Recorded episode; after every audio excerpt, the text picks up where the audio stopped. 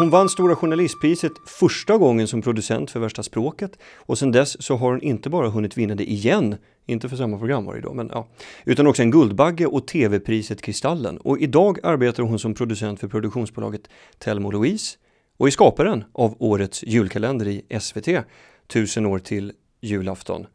Karin af Klimper, välkommen till programmet. Tack så mycket. Va, vad har du fått för reaktioner hittills på, på serien? Jo, men det har varit alla möjliga eh, reaktioner och det är väl också en jultradition att respondera på julkalendern.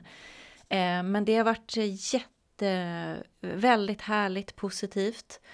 Eh, och sen finns det ju också eh, falanger. Vi, hade ju, vi har ett 70-talsavsnitt eh, där vi visar ett, ett proggigare 70-tal och då finns det ju eh, föräldrar i Sverige som rasar över att vi läser ur en sexualkunskapsbok för barnen. En riktig bok eh, som mina föräldrar läste för mig när jag var liten. Eh, men då har reaktionerna blivit, vad är nu nästa porr i TV? Jag kan bli ledsen över att man inte ser goda intentioner, för att vi har bara goda intentioner att lära svenska barn och faktiskt deras, föräldrar mer om svensk historia. Så då kan jag känna så här, nu har vi gjort den här tidsresan i tusen år, vi har uppfunnit hjulet 24 gånger, eh, begett oss till miljöer och ändå så, så tänker ni bara att vi läser en sexualkunskapsbok, vilket inte är konstigt. Jag tycker man ska göra det för barn. Mm. Men varför tror du folk reagerar på det sättet? Du, du har gjort så många produktioner, varför reagerar de?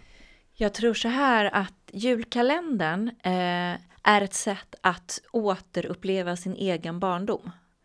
Eh, man minns sin barndom och man plockar fram bra saker ur sin barndom och då ligger julkalendern faktiskt där och pulserar och då när, julka- när årets julkalender eller årens julkalendrar inte bekräftar ens egen barndom så kan man känna någon form av vrede. Och då glömmer man lätt bort att ens egen favoritkandidat som till exempel Trolltider, den blev jätteutskälld när den kom. Både, den gick ju i repris, så den gick både på 70 och 80-talet. Den var jätteutskälld för att den liksom var så hednisk och han, handlade om troll istället för liksom, om Jesusbarnet. Och, eh, så det fanns liksom ramaskrin då om de här, att man liksom lyfte upp de hedniska traditionerna istället för de kristna. Och på något sätt mitt i det så bara glömmer man att liksom tomten och bocken inte alls är en kristen tradition utan superhednisk.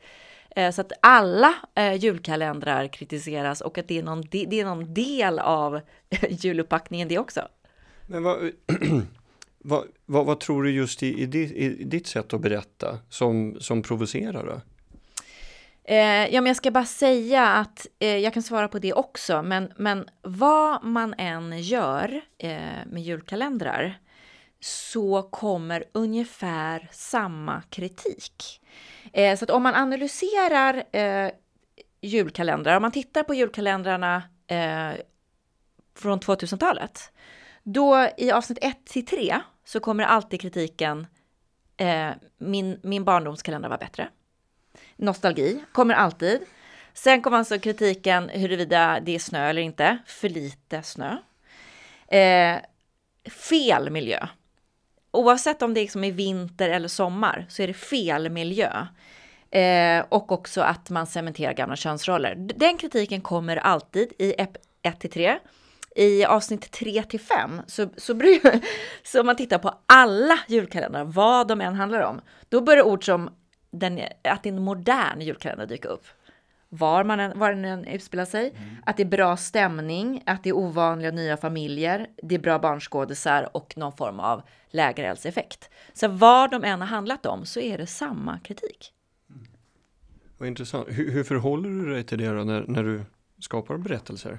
Eh, nej, men vi har, vi har gjort vårt absolut bästa. Sen kan man ju tycka om det eller inte tycka om det. Det jag kan känna mig ganska lugn i är att det är ett jättegott hantverk den här julkalendern. Vi har gjort fantastiskt noggrann research med historiker. Vi har liksom inte en sked som inte är korrekt. Eh, men sen behöver, ja, men, och sen behöver man ju inte gilla eh, årets julkalender. Men den, jag kan säga från vår sida att den i alla fall är ofantligt välgjord.